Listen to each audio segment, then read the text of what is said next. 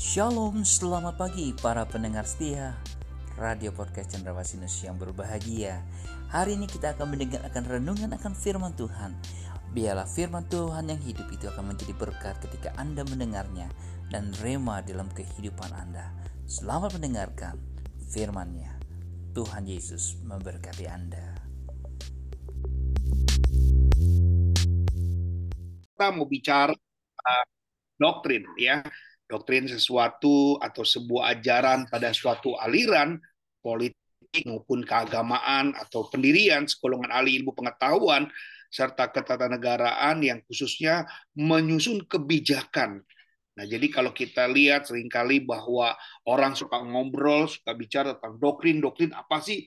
Ya, sebenarnya doktrin itu ada uh, sebuah uh, apa pondasi pendirian dari segolongan orang yang ingin membuat sebuah uh, pelajaran atau pengetahuan sehingga mereka itu bisa punya kepastian yang pasti. Jadi nggak ngambang ya. Seseorang biasanya mau tahu tentang sebuah doktrin itu adalah sebuah pengajaran-pengajaran ya betul betul termasuk bahwa pengajaran pengajaran yang mereka anut supaya si pengikutnya itu mengikuti apa yang mereka miliki.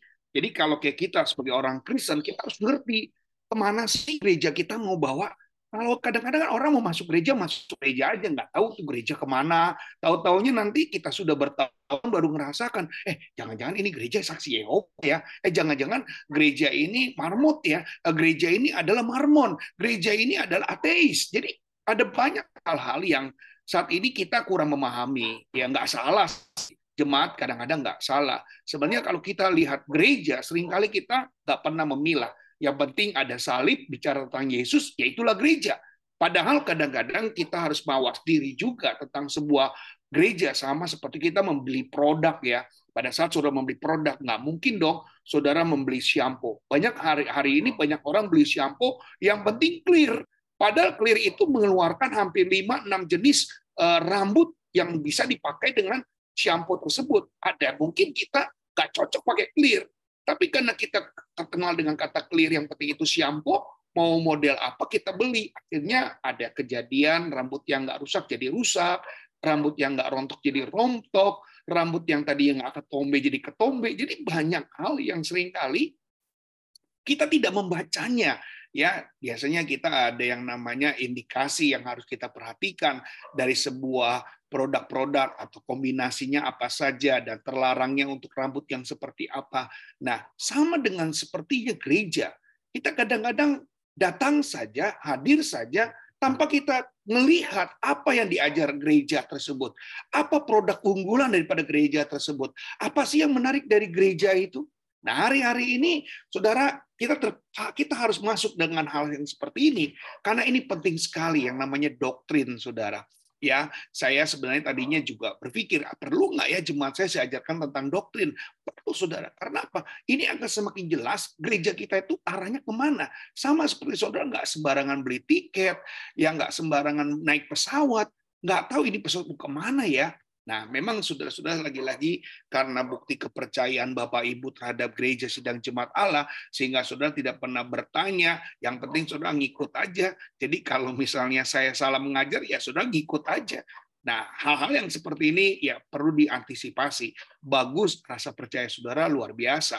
Karena walaupun saudara tidak melihat, walaupun saudara tidak pernah uh, mengetahui lebih dalam lagi, tapi saudara mau masih menjadi pengikut bahkan 43 tahun lagi ikutin ini gereja. Bayang 43 tahun rasanya akan jadi sia-sia. Kita ikut gereja kita, lalu kita nggak dapat apa-apa. 43 tahun kita ikut gereja ini, kita nggak tahu mau dibawa ke mana arahnya. Nah, puji Tuhan, ada orang-orang yang sudah hampir 43 tahun juga, bahkan 43 tahun dia bersama dengan kita di dalam sebuah gereja Tuhan. Wow, ini adalah suatu penghargaan yang luar biasa. Saudara tidak pernah bertanya, tapi saudara melihat. Nah, kembali lagi kita akan melihat tentang sebuah doktrin. Nah, buku doktrin ini dikarang oleh seorang bernama William Mengis atau Stellan Harton. Ya, dia adalah penulis dari Gereja Sidang Jemaat Allah. Dia menuliskan tentang buku gereja sidang jemaat Allah tentang doktrinnya. Nah, ini tercetak dan saudara-saudara bisa saya punya ya beberapa kalau saudara mau pinjam, mau baca, pagem saya mau baca dong, mau lihat, boleh silahkan ya saudara ya. Ini modelnya. Ya memang tidak diperjualbelikan, ini digratiskan. Ya bagi yang membutuhkan. Dan saya punya beberapa yang memang saya sengaja simpan. Apabila jemaat-jemaat saya yang mau belajar mau menjadi pintar ya boleh juga. Nah tapi puji Tuhan hari ini atau beberapa minggu ini kita akan dengar tentang pelajaran doktrin ini tanpa harus uh, saudara berlelah-lelah mencapai atau membaca buku tersebut ya saudara tidak perlu membaca buku tersebut tapi saya sebagai gembala akan menguraikan satu isi buku tersebut hari ini amin ya saudara jangan sampai ketinggalan tiap minggunya terus dengarkan supaya saudara dapat berkat. Ajak teman-teman kita yang nggak pernah ngikut ya supaya mereka tahu. Ada banyak pelajaran-pelajaran penting. Nah buku ini dicetak oleh Gandumas. Kalau Bapak Ibu tahu Gandumas ini adalah salah satu produknya GSJA. Jadi gandum mas ini bukan hanya mencetak buku, tapi juga membuat sebuah percetakan-percetakan. Jadi kalau kita mau mencetak apa pun, gandum mas siap untuk menerbitkan, membuka, bahkan uh, memberikan uh, uh, apa ya pesanan-pesanan ya yang saudara inginkan. Jadi dia melibatkan diri untuk hal khususnya buku-buku rohani ya. Nah, ini bisa dibeli juga harganya 63.800 kalau sudah berminat boleh ya ini langsung uangnya uh, langsung masuk kepada BPP ya Badan Pengurus Pusat GSCA. Nah, saudara-saudara, ini ada isi bukunya sebanyak 16. Jadi ada kalau saya akan bagi selama tiga minggu, ya berarti uh, ini masih ada lima. Saya pikir empat saja ya. Saya akan bagi empat minggu. Jadi kita akan berhenti minggu ini Alkitab Allah, Yesus dan manusia nanti keselamatan gereja, baptisan dan roh kudus, bukti awal baptisan, kemudian minggu ketiga pengudusan gereja dan pelayanan dan penyembahan ilahi, minggu terakhir atau bulan terakhir kita bicara tentang pengharapan, pemerintahan seribu tahun, nasib bangsa manusia nantinya, serta langit dan bumi yang baru. Amin. Haleluya. Ya, jadi kita akan masuk pada malam hari ini sampai tentang manusia. Nah, baik, kita akan mulai langsung saja Apakah itu Alkitab? Nah, Alkitab ini pastinya menjadi sebuah pokok bagi pembahasan dari kita semuanya, di mana di dalam kitab Hosea pasal 4 ayat 6 katakan umatku binasa karena tidak mengenal Allah. Karena engkaulah yang menolak pengenalan itu, maka aku menolak engkau menjadi imamku. Dan karena engkau melupakan pengajaran Allahmu, maka aku juga akan melupakan anak-anakmu. Bapak Ibu kasih dalam Tuhan, ya kita telah uh, tahu bahwa pengenalan kita lebih banyak bukan dari Kristus Yesus ya. Kita mungkin tidak pernah berjumpa dengan Yesus Kristus tapi lewat firman yang disampaikan Alkitab itu banyak memberikan sebuah uh, pembahasan memberikan semua cerita memberikan sebuah arti.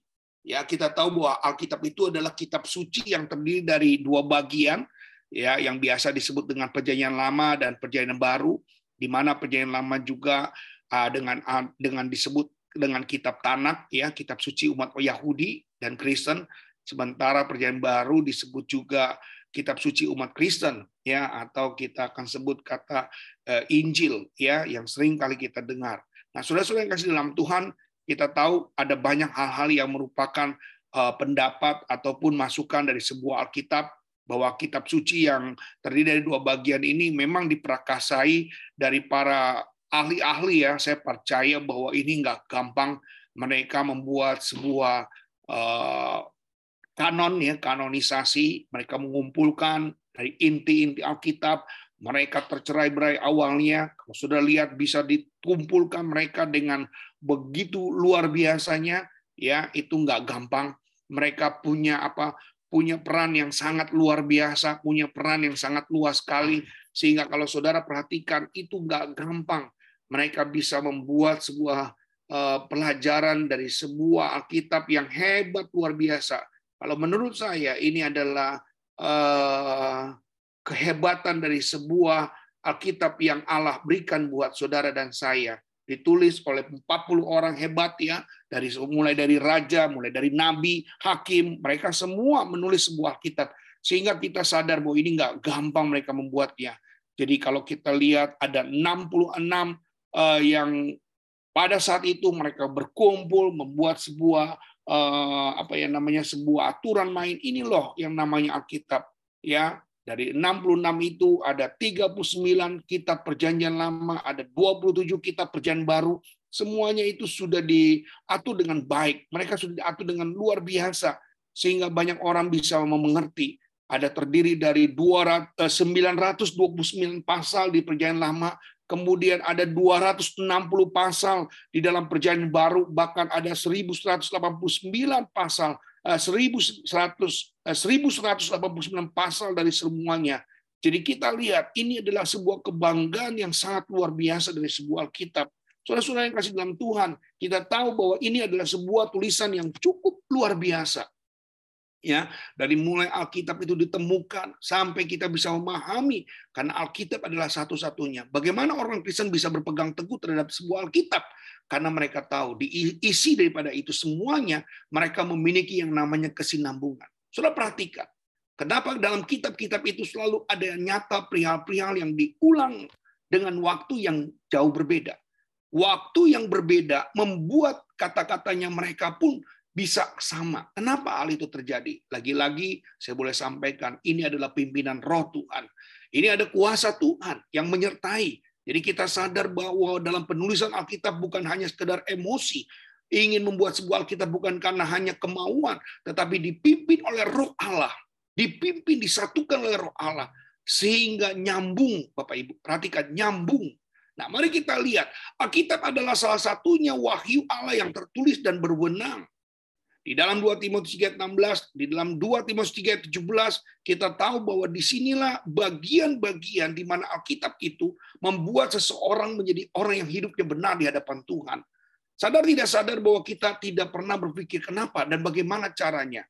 Ya, kalau kita tahu bagaimana di Gua Kumran, ya di Gua Kumran itu banyak orang-orang yang berkumpul, mereka semuanya berusaha untuk membuat sebuah Alkitab ya. Mereka menjadikan Alkitab itu menjadi bagian untuk uh, mereka miliki dan apa yang terjadi di saat mereka ada di tempat tersebut akhirnya waktu juga.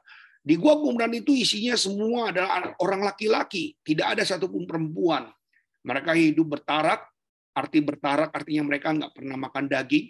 Mereka menjauhkan dari mabuk-mabukan ya dan pada saat mereka berkumpul di gua kumran tersebut dan akhirnya waktu juga menghabisi mereka karena mereka tidak beranak cucu dan lama kelama mereka tua akhirnya mereka meninggal. Dan semuanya meninggal kitab-kitab itu ditinggalkan dengan begitu saja. Kemudian ada orang Ismail yang sedang mengembalakan kambing domba. Tiba-tiba dia menemukan ada sebuah goa. Tetapi sebelumnya dia untuk mengetahui gua itu berisi atau tidak dia mencoba mengambil sebuah batu berulang-ulang dia lempari batu gua tersebut.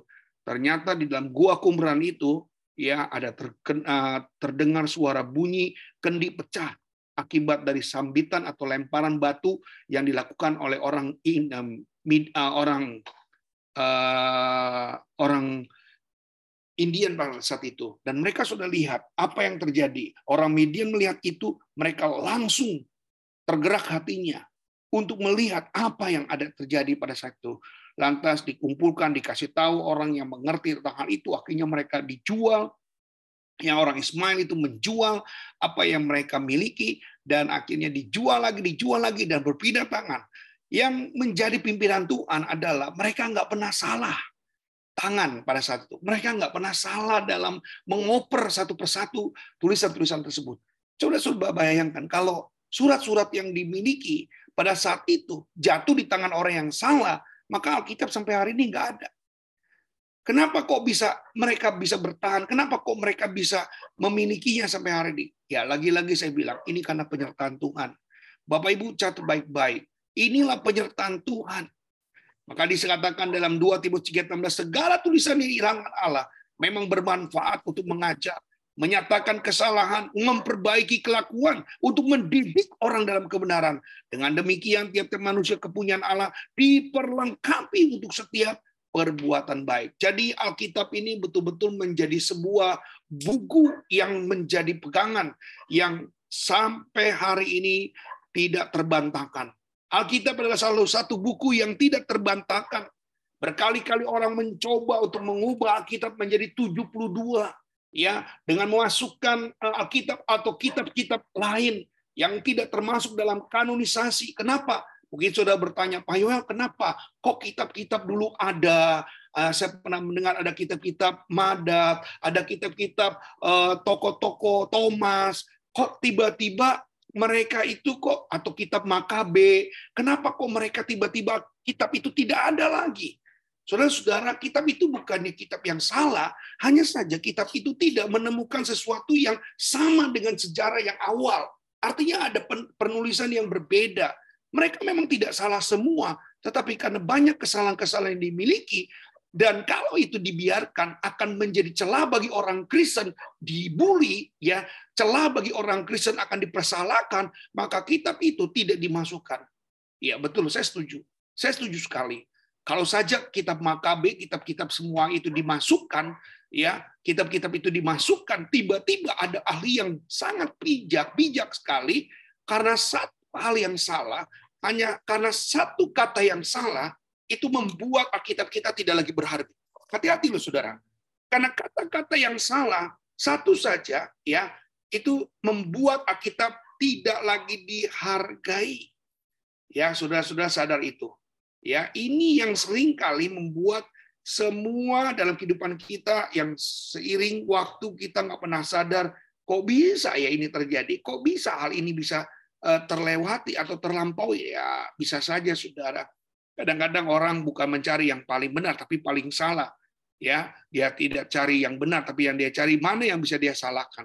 Jadi saudara-saudara yang kasih dalam Tuhan, jadi kenapa alasan bahwa mereka tidak memasukkan kitab-kitab seperti Makabe, kitab-kitab yang lain? Karena itulah sebabnya. Karena Tuhan, eh, karena kita tidak mau, ya kita tidak mau ada satu hal pun yang akhirnya akan menjadi kita dipermalukan. Pak Charles bantu saya baca dalam Matius 5 ayat 18. Matius 5 ayat 18 sehingga sudah tahu Kenapa Alkitab pada saat itu betul-betul 66 itu udah paling cocok. 66 itu udah angka yang paling tepat sekali bukan 72. Silakan Pak Charles, ah, bukan 77 juga. Ya. Matius pasal 5 ayat yang ke-18.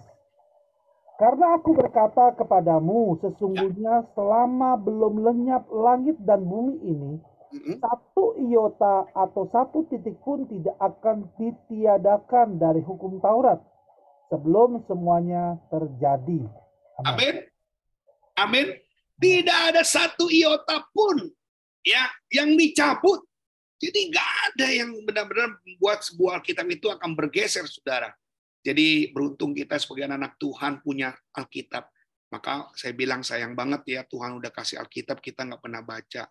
Tuhan berikan Alkitab tapi kita nggak peduli. Padahal dulu orang harus mati-matian memiliki Alkitab. Ya, papi saya pernah bercerita bagaimana waktu di Cina orang-orang mau masukkan Alkitab itu dimasukkan ke kantong plastik, dikubur dengan yang namanya kotoran-kotoran, saudara. Bayangkan untuk membawa Alkitab di atasnya ditaruh kotoran-kotoran. Dan setelah kotoran itu dibuang, Alkitab itu dibuka perlahan-lahan, plastik itu dibuka, Alkitab itu menjadi bacaan yang paling digemari pada saat itu. Jangan heran Cina hari ini satu persen saja percaya sama Tuhan, itu sudah merupakan ratusan juta, saudara. Bayangkan di sana ada satu miliar, yang percaya sama Tuhan, satu persen aja itu mengalahkan jumlah orang Kristen yang ada di Indonesia.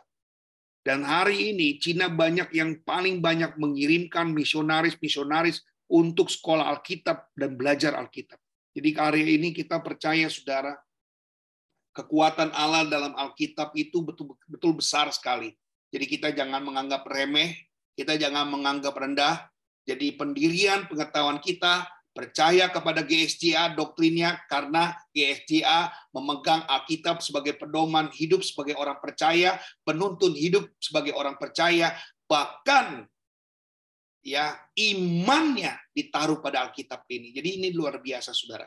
Jadi saudara-saudara yang kasih dalam Tuhan, kita berbangga dengan hal-hal yang seperti ini. Nah, inilah Alkitab ya kalau sudah lihat di dalam Alkitab ada perjanjian lama ada perjanjian baru ya di dalam perjanjian baru kita lihat ada empat Injil ada kitab nubuatan ada kitab sejarah ada kitab eh, surat 8 surat umum ada 13 surat Paulus. Nah ini khusus Paulus ini dia membuat Alkitab sendiri saudara.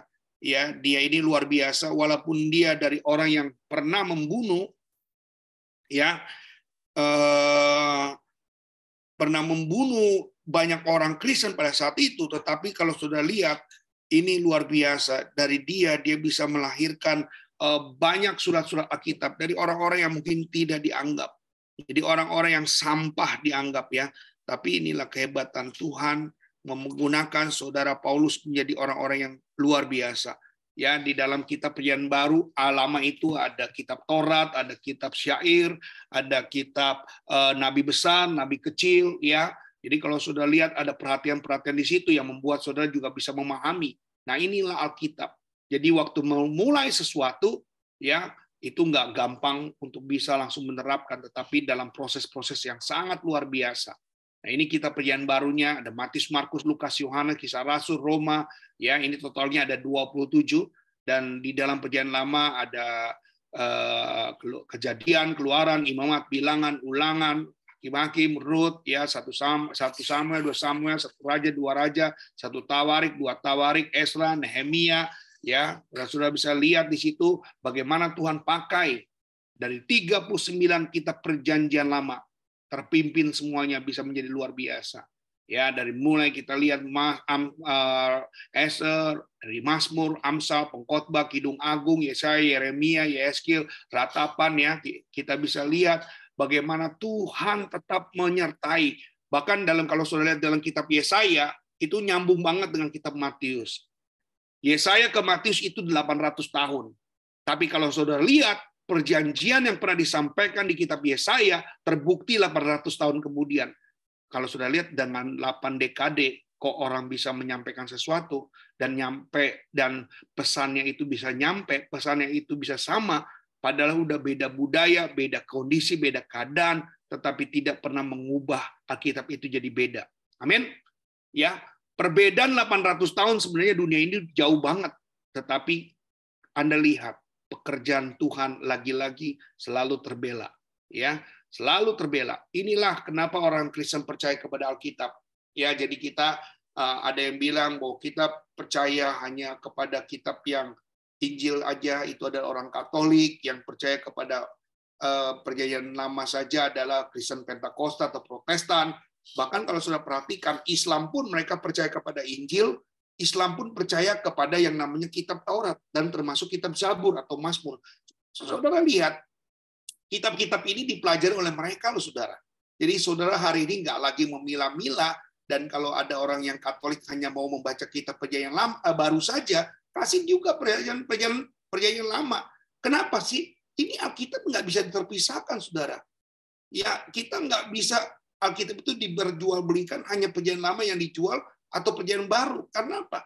Isinya berkesinambungan, artinya nggak bisa terpisahkan. Mereka saling mengisi kekosongan yang ada. Jadi kalau saudara mau minta kepastian dalam perjanjian baru, lihatlah perjanjian lama.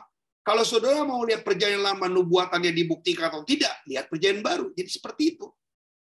Dengar baik ya, kalau saudara ingin lihat perjanjian lama dibuktikan atau tidak, saudara harus lihat di dalam perjanjian baru. Kalau saudara lihat di dalam perjanjian lama, ini yang saudara akan lihat. Jadi ada hal-hal yang sudah lakukan di sini. Ini luar biasanya.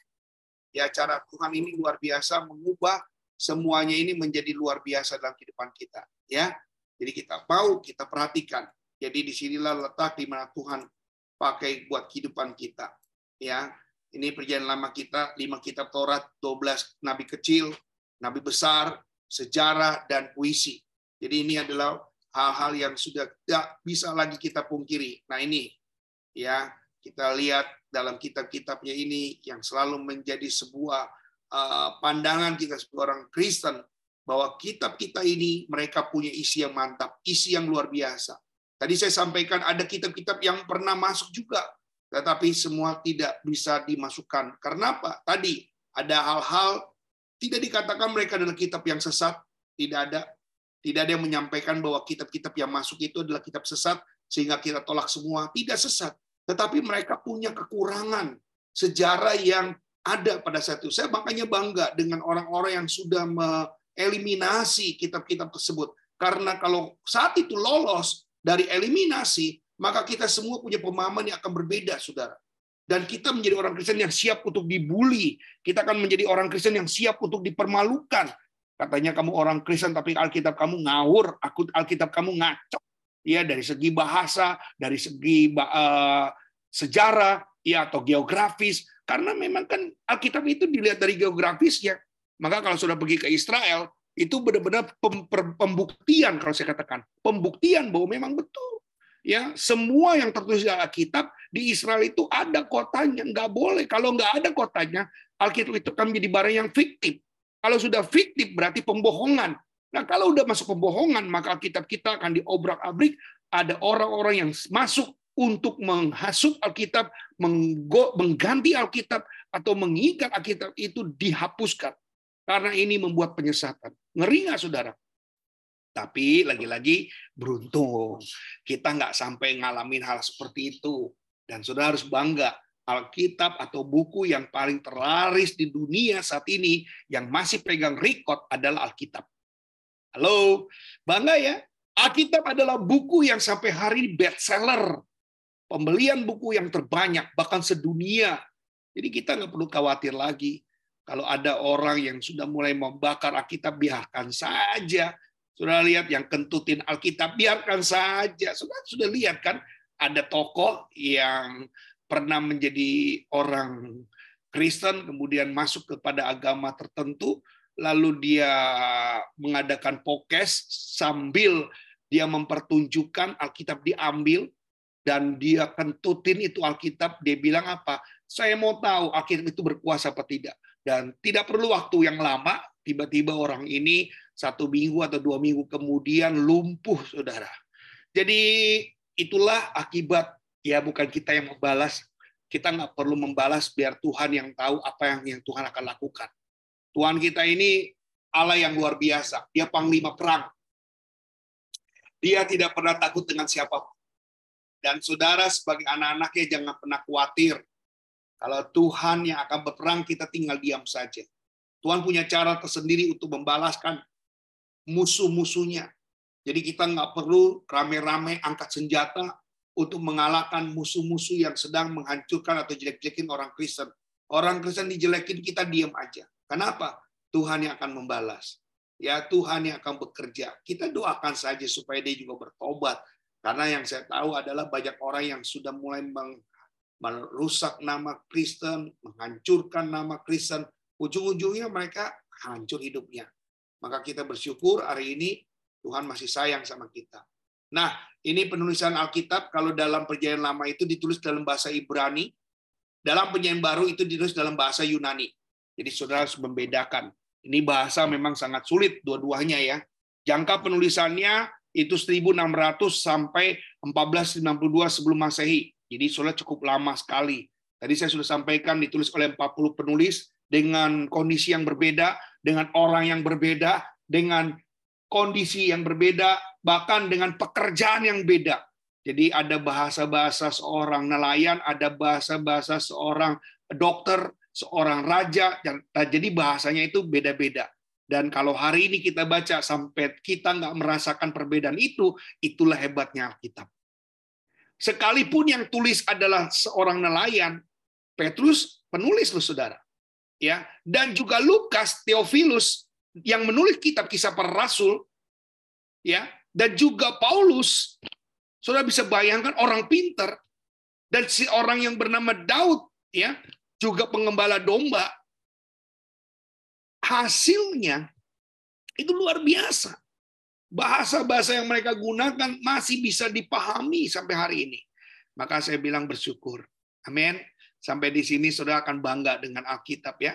Nah, jadi kita lihat kembali. Jadi dalam 2 Petrus 1 20, yang terutama harus kamu ketahui ialah nubuat-nubuat dalam kitab suci tidak boleh ditafsirkan menurut kehendak sendiri. Nah, ini. Kita nggak boleh menarik kejadian-kejadian itu dengan pemikiran kita. GSJA tidak ingin hal-hal ini dilakukan. Karena apa? Karena ini akan masuk dalam yang namanya penyesatan. Kita nggak boleh masuk dalam hal-hal yang seperti ini yang sifatnya akhirnya kita mengambil keputusan ya ternyata nubuatan ini untuk ini itu yang terpenting adalah kita harus tahu kenapa Tuhan mau melakukan itu. Apa penyebab penyebab Tuhan mau melakukan itu. Jadi harus ada. Sebab tidak pernah nubuat dihasilkan oleh kehendak manusia dan oleh dorongan Roh Kudus orang-orang berbicara atas nama Allah. Nah inilah kalau sudah lihat ketika mereka menulis Alkitab dari naskah aslinya, manuskripnya, ya ini salinannya, terjemahan. Jadi kenapa harus ada manuskrip? Karena mereka dulu tuh ditulis di pohon, di kulit, ya kemudian di batu-batu.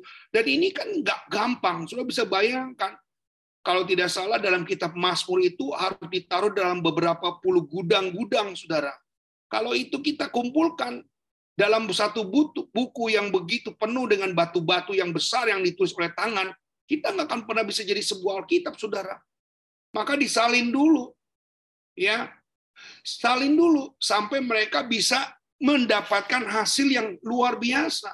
Ya, jadi kita bangga kalau Tuhan itu benar-benar luar biasa pakai menggunakan seseorang menjadi alat-alat yang luar biasa. Jadi saudara harus pahami ya. Jadi kita harus memahami bagaimana uh, kita sebagai orang yang hari ini ya, hari ini yang bisa menikmati ya kalau kita lihat seorang yang bernama Johannes Gutenberg ya Johannes Gutenberg itu adalah seorang yang membuat mesin cetak pertama di dunia. Jadi kalau saudara belajar sejarah ya Johannes Gutenberg ini adalah penulis ya eh, seorang filosof filosof juga ya dia hebat luar biasa. Dia menemukan sebuah mesin cetak pertama dan hebatnya lagi mesin cetak yang pertama yang yang dibuat adalah yang dicetak pertama oleh Johannes Gutenberg adalah Alkitab. Wow, saya bisa sadari bahwa ternyata dia mencetak pertama kali di tahun 1455, catat baik-baik, di tahun 1455, Yohanes Gutenberg yang dia cetak pertama kali waktu dia menemukan mesin cetak adalah Alkitab. Ini kan hal yang enggak dihabis pikir, saudara. Jadi habis masuk dalam terjemahan, itu ditulis, saudara.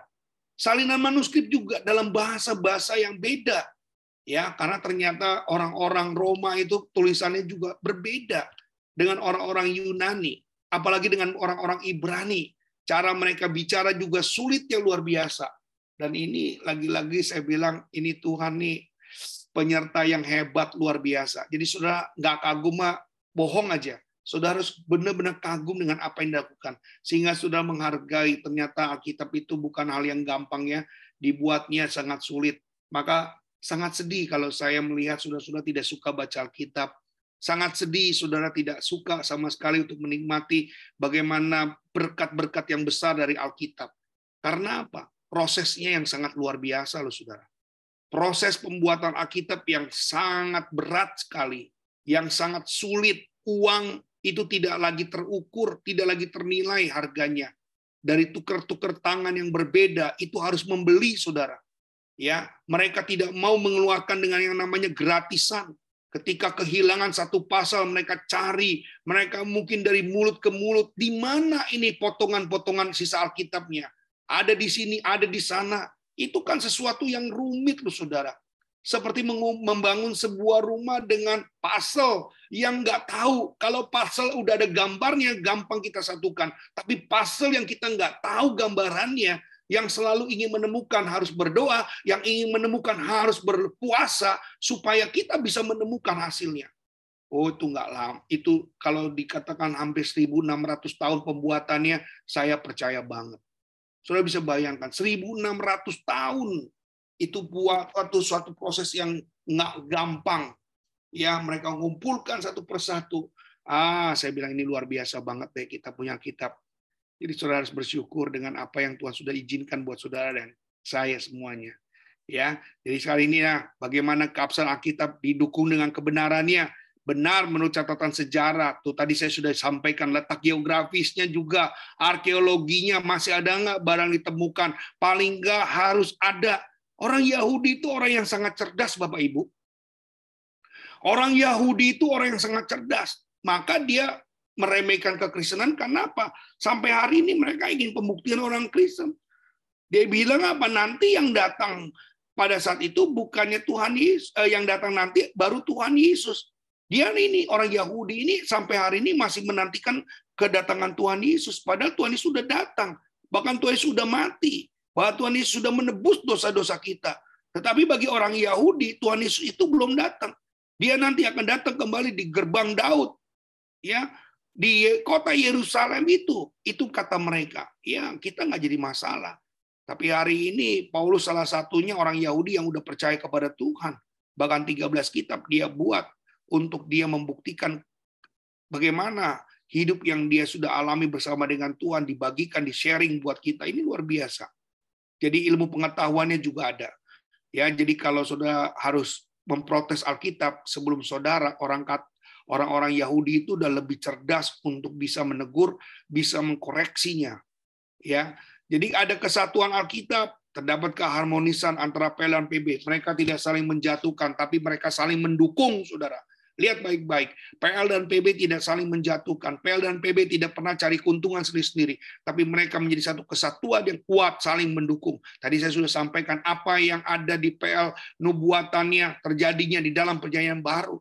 Kalau perjanjian baru mau lihat ada sejarahnya nggak, dimulai dari mana? Lihat perjanjian lama. Jadi semuanya itu punya kesatuan. Yang ketiga, pengaruh. Berjuta-juta orang sudah diubahkan kehidupan mereka lewat Alkitab jadi kita nggak bisa lagi pungkiri bahwa Alkitab itu tidak berdampak, tidak ber, berkuasa. Kalau saudara hari ini bisa menikmati Alkitab dan saudara bisa merasakan bagaimana kuasa Tuhan lewat Alkitab yang kita baca, ini kan nggak bukan lagi barang pepesan kosong, barang yang bohong-bohongan, bukan beli kucing dalam karung, tapi udah berjuta-juta orang diubah kehidupannya. Lalu berikutnya Alkitab telah mempengaruhi kehidupan manusia musik, seni, hukum, pengetahuan, bahkan politik loh saudara. Ya, jadi kesehatan juga ada, bahkan uh, tentang uh, cuaca, semua terbukti. Orang dulu ngomong tsunami, keluar Alkitab tentang tsunami. Orang ngomongin COVID, keluar ayat tentang COVID. Orang lagi ngomongin bencana gunung, keluar ayat tentang bencana gunung. Jadi ini Alkitab benar-benar menimpali. Nggak pernah yang namanya Alkitab itu nggak up to date. Alkitab selalu up to date. Halo. Ini ini luar biasa Saudara. Jadi kenapa kita harus baca Alkitab? Kenapa saya harus banggakan saudara harus selalu suka baca Alkitab? Karena buku ini enggak enggak enggak murahan saudara. Ini buku-buku mahal sekali. Kalau saudara baca ini isinya betul-betul punya dampak buat kehidupan saudara. Ya, semua mengalami lihat orang-orang yang mengalami karena ubah daripada ubahan dari sebuah Alkitab, saya nggak nggak nggak nggak apa nggak khawatir ketika saudara menaruh iman saudara tetap terus bertahan sampai Tuhan datang dengan pegang ini Alkitab. Ini udah luar biasa, ya. Jadi kita tahu bahwa Tuhan itu nggak sembarangan, ya. Tuhan itu nggak sembarangan untuk apa ya memberikan kita yang yang hanya sekedar saja tapi dia berikan kita dengan hal yang luar biasa ya coba Pak Charles bantu eh, Yohanes uh, 1 ayat 1 Yohanes pasal 1 ayat 1 Iya. Ya. Yohanes pasal 1 ayat 1. Sampai 2 lah. Yohanes 1 ayat 1 sampai ke 2. Pada mulanya adalah firman. Firman itu bersama-sama dengan Allah. Dan firman itu adalah Allah. Ia pada mulanya bersama-sama dengan Allah. Amin. Iya, bersama-sama dengan Allah. Jadi nggak ada yang perlu diragukan lagi Bapak Ibu. Ya, satu lagi Pak Roma 1 ayat 16. Roma 1 ayat 16. Roma pasal 1 ayat yang ke-16. Ya. Sebab aku mempunyai keyakinan yang kokoh dalam Injil. Hmm. Karena Injil adalah kekuatan Allah yang Amin. menyelamatkan setiap orang yang percaya. Pertama-tama orang Yahudi, tetapi hmm. juga orang Yunani. Mantap, luar biasa. Saya punya keyakinan yang kokoh dalam Injil. Artinya memang nggak bisa terpungkiri, nggak bisa berbohong. Jadi saudara-saudara yang kasih dalam Tuhan, bersyukur kita kalau sampai hari ini bisa terus bisa menikmati berkat yang daripada Tuhan, ya mengalami apa yang Tuhan sudah janjikan dalam kehidupan kita. Jadi nggak lagi meragukan. Aku punya keyakinan kokoh yang akan Injil, anak Injil kekuatan Allah, dibilang. Injil itu kekuatan Allah yang bagaimana pula memang Tuhan itu kasih sesuatu yang baik buat saudara. Dia tidak pernah kasih yang biasa. Dia kasih yang sangat-sangat membuat kita menjadi hidup membanggakan. Dia nggak suka mempermalukan. Ya, itu yang terjadi. Yang keempat adalah penggenapan nubuat. Karena banyak peristiwa sejarah yang tertangkap ada di dalam Alkitab. Ya, ini luar biasa. Sejarah apa yang nggak ada di Alkitab? Sejarah apa yang nggak ada di dunia ini tercatat oleh Alkitab? Bahkan negara Amerika menjadikan Alkitab sebagai buku yang menjadi GBHN mereka, saudara. Luar biasa loh. Ya, Amerika itu menganut bahkan kalau sudah perhatikan di dalam sidang PBB, Alkitab itu juga menjadi landasan dari mana PBB itu punya perserikatan bangsa-bangsa, mereka mengikat semua bangsa-bangsa juga dengan Alkitab. Jadi kalau saya lihat Alkitab ini adalah harga mati. Ya, jadi kita bersyukur ada orang-orang yang kita lihat di konsili Kortago ini adalah di mana bapak-bapak gereja berkumpul di tahun 397 ya. Kalau sudah lihat tadi 1455 baru dicetak dan Alkitab itu dikanonkannya tanggal 397. Sudah lihat berapa ratus tahun? Itu Alkitab akhirnya jadi ya.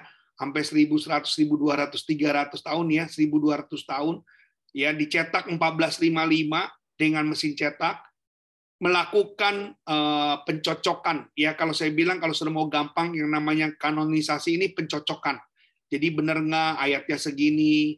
Ya kalau sudah hafal dari kitab Mazmur ya di dalam kitab Mazmur itu ada kitab yang paling panjang sampai 169 ya eh, sampai 179 ayatnya. Di dalam Mazmur 116 jadi ada yang ayatnya cuma pendek ya itu dikanonisasi Terus Anda mungkin bertanya, Pak, ada nggak yang akhirnya kecopot-kecopot hilang? Iya, pasti sih ada, ya ada. Karena kan kalau kulit binatang, berapa sih kemampuan, kekuatan kulit? Kalau sudah ada yang namanya pelapukan, pembusukan, ataupun uh, sudah tepok, ya kalau orang bilang tepok, ya itu biasanya kehilangan huruf-hurufnya. Dan tadi saya sudah sampaikan, tidak ada yang berani mengurangi ataupun menambah. Memang adanya seperti itu. Kadang-kadang kita kan berani nambah-nambahin, ngurang-ngurangin. Kita pikir orang zaman dulu bodoh gitu. Enggak. Kita jangan merasa kita paling pintar, mereka udah paling hebat, saudara. Nah, di sini kita katakan apa? Kumpulan tulisan atau susunan kitab PL dan PB yang berwenang berotoritas menjadi standar pedoman iman dalam kehidupan orang Kristen. Diakui oleh masyarakat Yahudi, nabi, rasul, murid Yesus, bahkan Yesus diterima di kalangan jemaat mula-mula. Karena apa? Tadi, keabsahan yang mereka miliki. Ini ada kitab orang jujur. Ya, kalau saudara mau baca juga boleh. Ini ada nama-nama Ibrani aslinya. Kalau saudara mau nanti saudara boleh minta sama saya.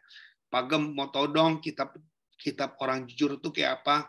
Ya, ini kita pernah melihat kitab ini dipegang dan kita juga baca ya tapi bukan menjadi landasan firman eh, yang saudara harus sampaikan pada orang lain tapi landasan pribadi saudara untuk percaya kepada Tuhan. Jadi kalau kita untuk bagi buat diri kita sendiri sebenarnya nggak ada masalah. Yang paling sulit adalah mengajar kayak orang. Kayak saya ini sangat sulit. Kalau saya salah mengajar bapak ibu maka pengertiannya akan jadi salah. Maka saya harus berhati-hati mengajarkan kepada bapak ibu supaya bapak ibu lebih memahami apa sih yang menjadi landasan daripada Alkitab Kenapa saya harus patuh baca Alkitab? Kenapa saya harus baca Alkitab? Harus ada yang menarik. Kenapa saya harus baca buku itu? Setelah saya mempelajari, kita beberapa menit sudah ngomong tentang Alkitab, rasanya sudah nggak perlu lagi ragu untuk tetap bertahan, teruskan untuk baca Alkitab. Nah, baik. Untuk perjanjian lama, maaf, untuk perjanjian lama, kapan penulisan kitab-kitabnya tidak diketahui secara pasti. Namun yang jelas tulisan-tulisan Yahudi yang pertama kali diakui sebagai kitab suci kitab yang pertama disebut sebagai kitab hukum Taurat. Baru kemudian kitab para nabi, tulisannya misalnya Mazmur, Ayub, Amsal, ini kitab-kitab syair yang sering disebut. Ya, keseluruhan proses penulisan dan pengumpulan, penerimaan kitab suci, perjanjian lama dan langsung selama seribu tahun. Jadi nggak nggak, wow ini sudah bisa lihat kenapa kok bisa seribu tahun. Dan anehnya, ini kan pasti kan manusia umurnya paling terputuskan. Ada yang 90, ada yang 100 saya sekali lagi katakan Tuhan itu udah Allah yang paling jago deh. Dia paling hebat deh. Ya, kalau saudara hari ini nggak perlu lagi meragukan. Kenapa kok mereka bisa bertahan? Kenapa kok mereka? Nah, sudah lihat. Sudah lihat orang-orang Batak. Orang-orang Batak itu punya silsilah. Mau kawin sama siapa, mau lahir dari ibu siapa, mau dari yang mana borunya ataupun dia punya marganya, sampai hari ini mereka masih nyambung, saudara. Jadi dia kalau keturunan Silalahi itu dari dulu Silalahi semua tahu siapa itu Silalahinya. Dari 1, 2, 3, 4, ada yang namanya Silalahi 7, Silalahi 8, Silalahi 10, dan mereka masih sampai hari ini berpegangan, saudara. Nah kalau kalau masalah cuma seribu tahun bagi orang Yahudi terlalu kecil, karena mereka punya urutan dan mereka sangat memegang yang namanya amanah. Orang Yahudi itu sangat berpegang yang namanya amanah. Yang namanya sebuah ya amanat kalau orang bilang ya amanat. Kalau kita kadang-kadang ngomong amanah, tapi yang benar adalah amanat. Yang namanya amanat itu tidak akan pernah berlari, tidak akan pernah ditinggalkan. Jadi akan terus. Jadi sudah nggak perlu khawatirkan, oh, itu seribu tahun, gimana apa benar? Jangan-jangan nembak. Enggak. Ya, tadi saya sudah kasih tahu di Indonesia ini ada suku Batak di mana orang-orang Batak itu dia punya marga sampai hari ini itu mereka tetap tahu mereka nggak pernah bergeser. Beda sama kita ya memang sayanya boleh seli tapi nggak tahu yang satu sampai sekarang kita lili apa. Jangan-jangan lili royani atau lili apa atau yang terakhir liliput nah ini yang paling bingung karena kita punya lili-lili yang bingung. Yang nggak tahu lili keberapa li selinya seli li apa nggak tahu ya keberapa udah nggak tahu tapi kalau orang Batak ya dia tahu marpaung berapa marpaung delapan ya setepu setepu keberapa tujuh misalnya. Nah ada yang tahu saya ini setepu ke sebelas misalnya. Berarti udah ada sebelas generasi tuh. Nah itu mereka tetap pegang. Saya kagum banget mendengar bahwa orang Batak itu masih tahu dia yang keberapa. Jadi bukan sekedar marpaung marpaung saja. Tahu marpaung dia kawin dengan siapa dengan siapa pindahnya jadi apa. Oh itu sama dengan aturan main yang dimiliki oleh orang-orang Yahudi. Mereka orang-orang Yahudi itu sangat pegang betul yang namanya amanah. Sehingga kalau angka seribu tahun, saudara nggak usah khawatir deh.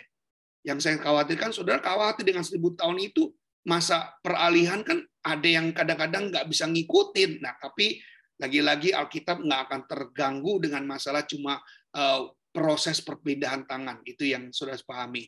Nah, proses yang sama dalam perjanjian baru berlangsung lebih pendek ya dikatakan ya karena zamannya juga uh, oh iya Pak Pak Pak Febri adalah Sitopu 6. Wah, jadi dia ada Sitopu 6. Luar biasa itu kan masih ingat. Berarti betul apa yang saya sampaikan. Ya bukannya Pak Gem ini ngecap saja, tapi saya sudah sempat mempelajari karena ini mau saya ajarkan jadi saya sempat sudah bertanya-tanya kalau mereka itu hitungannya ada nggak sih? Ada. Nah ini ya sama seperti apa yang milik orang Yahudi, beda dengan orang Cina. Kita juga bingung saya. Memang marga saya, saya Seli. Saya juga bingung, li apa? Jangan-jangan ya saya Seli yang terakhir. Liliput gitu ya. Jadi kita nggak tahu. ya. Jadi sudah-sudah yang kasih dalam Tuhan, jadi kalau perjanjian baru ini zaman udah mulai berbeda. Zaman udah lebih terarah tidak lagi menulis dengan batu, menulis dengan kulit pohon, tidak lagi. Mungkin mereka sudah yang namanya dengan kertas yang namanya kertas papirus. Nah, kertas papirus ini adalah kertas yang terbuat dari pohon alang-alang yang cukup di, di apa dipadati di rawa-rawanya khususnya Israel, Yordania dan sekitarnya. Dan mereka bisa sudah mulai bikin kertas sehingga untuk memprosesnya kita perjanjian baru itu nggak terlalu sulit seperti perjanjian lama ya jadi tersebar cepat dengan jangkauan wahyu ditulis hanya 90 Masehi jadi masih masih gampang lah ibaratnya daripada yang dulu-dulu. Proses penentuan kanon kitab suci yaitu dapat kitab yang diinspirasikan oleh Roh Kudus akan menjadi bagian kitab dilakukan gereja dalam tradisi apolastik ya sejak para rasul dalam tradisinya apolastik ini gereja menemukan atau menentukan kitab mana yang harus dicantumkan dalam kitab suci. Tadi sudah seperti saya katakan, ini daftar suci dalam kanon ini yang dikatakan adalah perubahan-perubahan, ada yang 46, ya padahal akhirnya dari 46 ini hanya 39 ya yang terambil. Sisanya mereka tidak lagi masuk di dalam gambar itu. Jadi tetap 66. Awal yang kita perjalanan lama ditulis dalam bahasa Ibrani atas permintaan Raja Protobeus dua dari Alexandria, juga karena perkembangan komunitas orang Yahudi di luar Palestina, diterjemahkanlah kitab suci ke dalam bahasa Ibrani dan dalam bahasa Yunani. Nah, dipakai juga dengan berapa? 70 orang ahli. Waduh, ahli bahasa dilibatkan untuk Alkitab itu jangan sampai salah. Kenapa harus banyak orang tadi? Supaya tidak salah. Bagi mereka 70 orang itu untuk apa ya? Bagian edit, bagian editor, bagian penambahan bahasa. Saya rasa ini sudah cukup. Jadi makanya saudara lihat kenapa nggak apakah uh, bohong kalau Alkitab itu nggak mahal. Mereka kerjakan itu pasti lama sekali. Berapa rupiah yang harus dikeluarkan mereka untuk makan siang bagi mereka. Berapa rupiah untuk ongkos di mana mereka kerja untuk sebagai editor, saudara. Ya, itu kan ada biayanya. Siapa yang mau bayar? Tuhan yang bayar? Enggak. Manusia-manusia yang mengasihi Tuhan. Manusia-manusia yang mencintai Alkitab.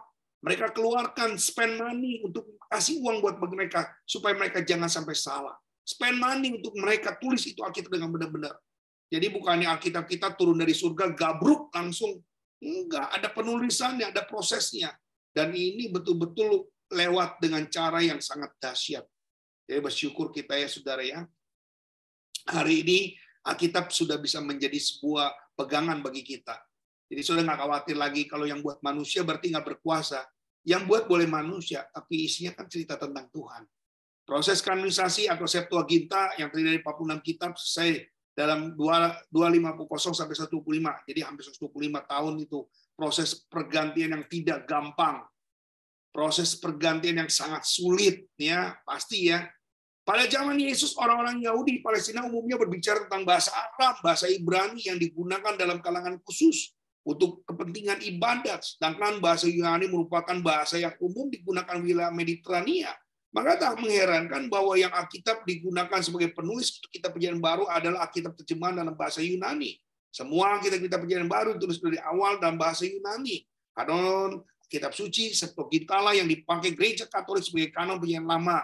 Jadi yang ditambah kanon perjanjian baru terdiri dari 27 kitab yang terdiri dari sampai akhirnya menjadi 70 kitab. Ya, ini yang awalnya ini tetap mereka kan saya tadi bilang bukan bukan Alkitab. Ini ada prosesnya. Dulu tuh kayak gini, saudara. Ya, jadi saudara tahu sejarahnya. Kadang kitab suci dari 70 kitab ini pertama kalinya ditetapkan oleh Paus Damasus. Ya, satu pada tahun 382 Masehi. Kanon diteguhkan dalam konsili Hippo Afrika Utara tahun 393, konsili Kartago Afrika Utara dalam 397. Jadi mereka proses terus nih.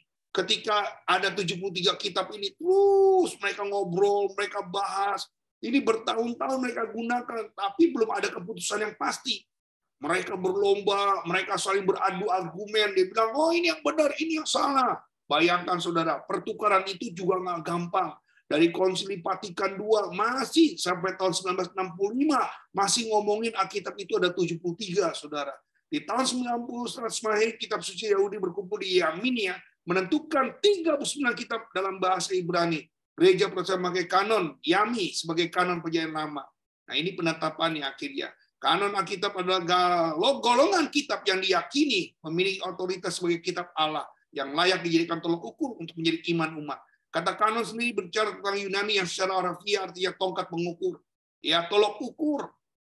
Di mana tongkat yang dijadikan sebagai standar pengukuran dalam konteks Alkitab kanon secara mudah umum dimengerti daftar kitab yang dijadikan standar aturan yang bersifat normatif untuk umat. Jadi memang eh, betul-betul bapak-bapak gereja ini nggak mau umat jadi bingung.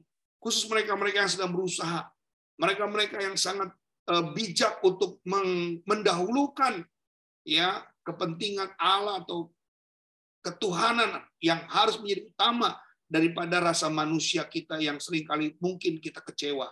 Nah, anggota penganonan Alkitab atau yang disebut dikenal dengan istilah kanonisasi adalah sebuah anggota yang berlanjut selama berabad-abad.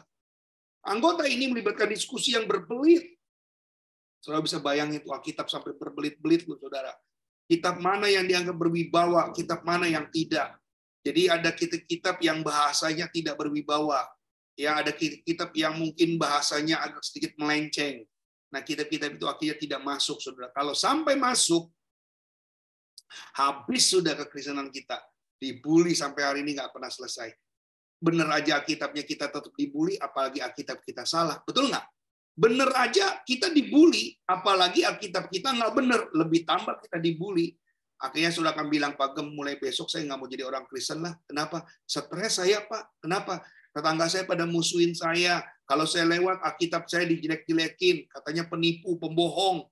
Terus bisa bayangkan mana bisa bertahan hidup kita kalau banyak orang yang mencaci kita tanpa ada kejelasan, bahkan yang dicaci yang paling nggak enak itu waktu kita dicaci kita nggak tahu dia caci kita tentang apa. Itu yang paling parah, saudara. Karena kita memang nggak pernah belajar. Tapi hari ini, malam ini, saya baru satu aja udah jam 8, saudara. Saya jadi bingung, saudara. Ini gimana masih tiga lagi? Tapi ini benar-benar luar biasa, saudara. Saudara memang memahami tentang sebuah doktrin ini nggak gampang. Kalau orang belajar ini harus perlu tiga tahun, empat tahun baru belajar ini menjadi pintar, saudara. Dan tapi buat saya nggak ada masalah. Kita tidak kejar banyaknya, tapi kita belajar tentang kualitasnya. Saya senang Bapak Ibu, ada banyak orang yang mau belajar hari ini.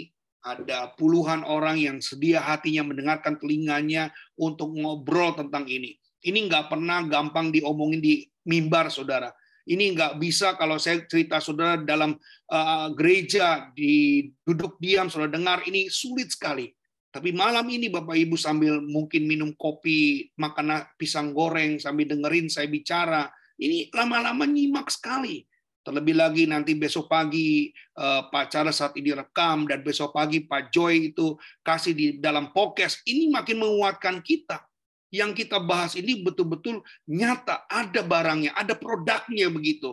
Jadi bukan sesuatu yang kita beli dengan istilah uh, kucing dalam karung. Nah, kita lihat lagi. Nah, perbedaan yang mencolok Alkitab Ibrani Protestan dengan Alexandria Katolik terletak pada klarifikasi digunakan dengan jumlah kitab yang dikoleksi masing-masing.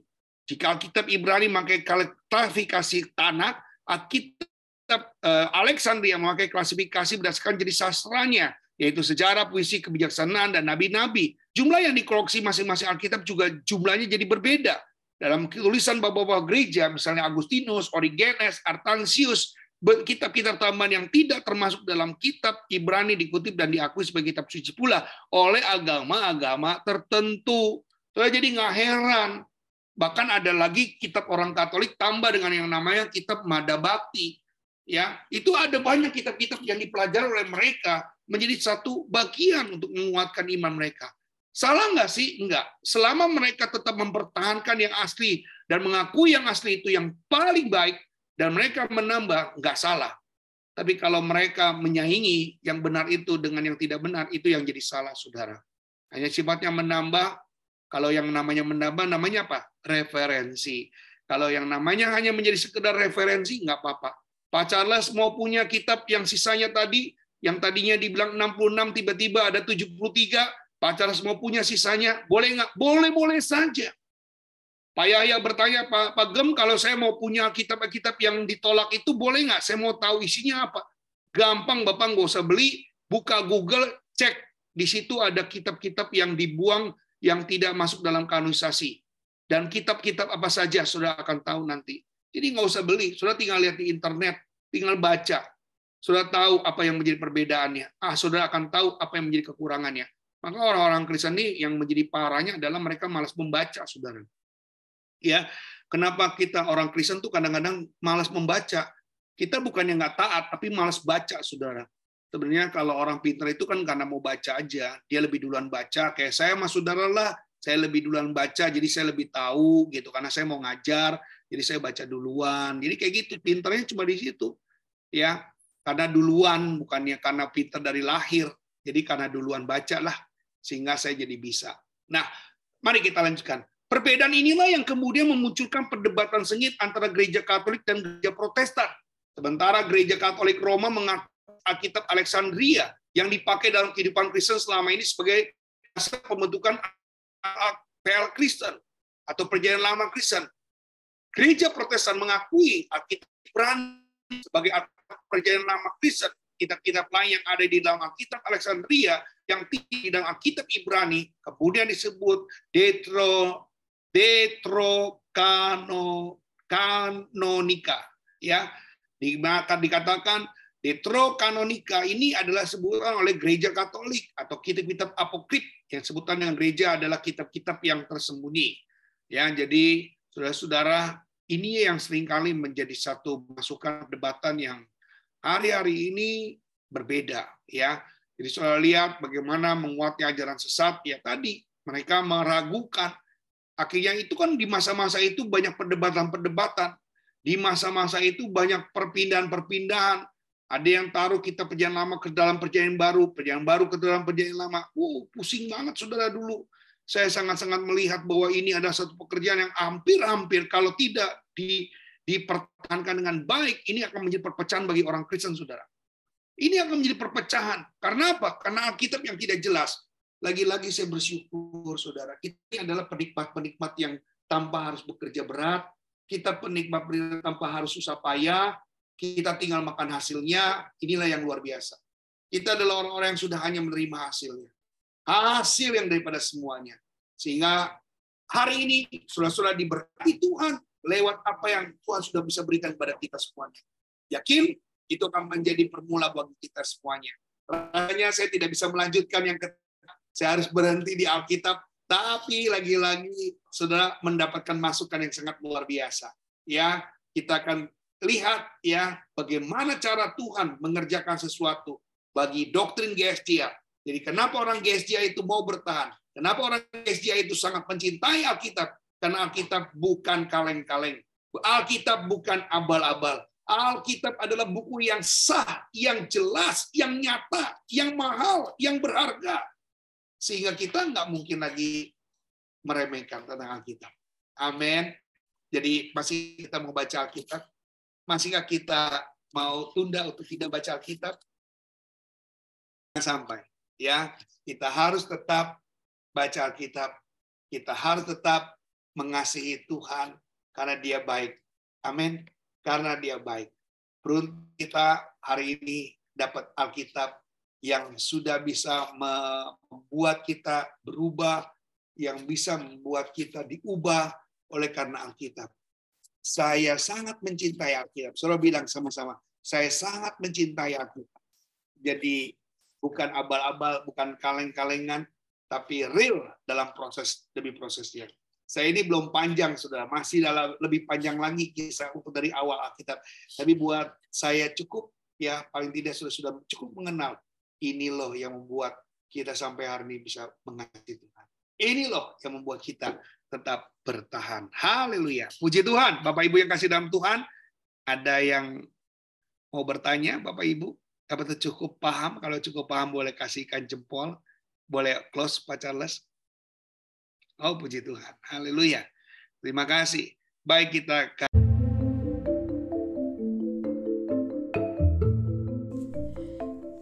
Sampai jumpa esok hari. Kiranya damai sejahtera dari Allah Bapa, kecintaan kasih daripada Tuhan Yesus Kristus, dan persekutuan Roh Kudus menyertai kita mulai hari ini, esok, sampai Maranatha. Tuhan Yesus datang kedua kalinya. Sampai jumpa. thank you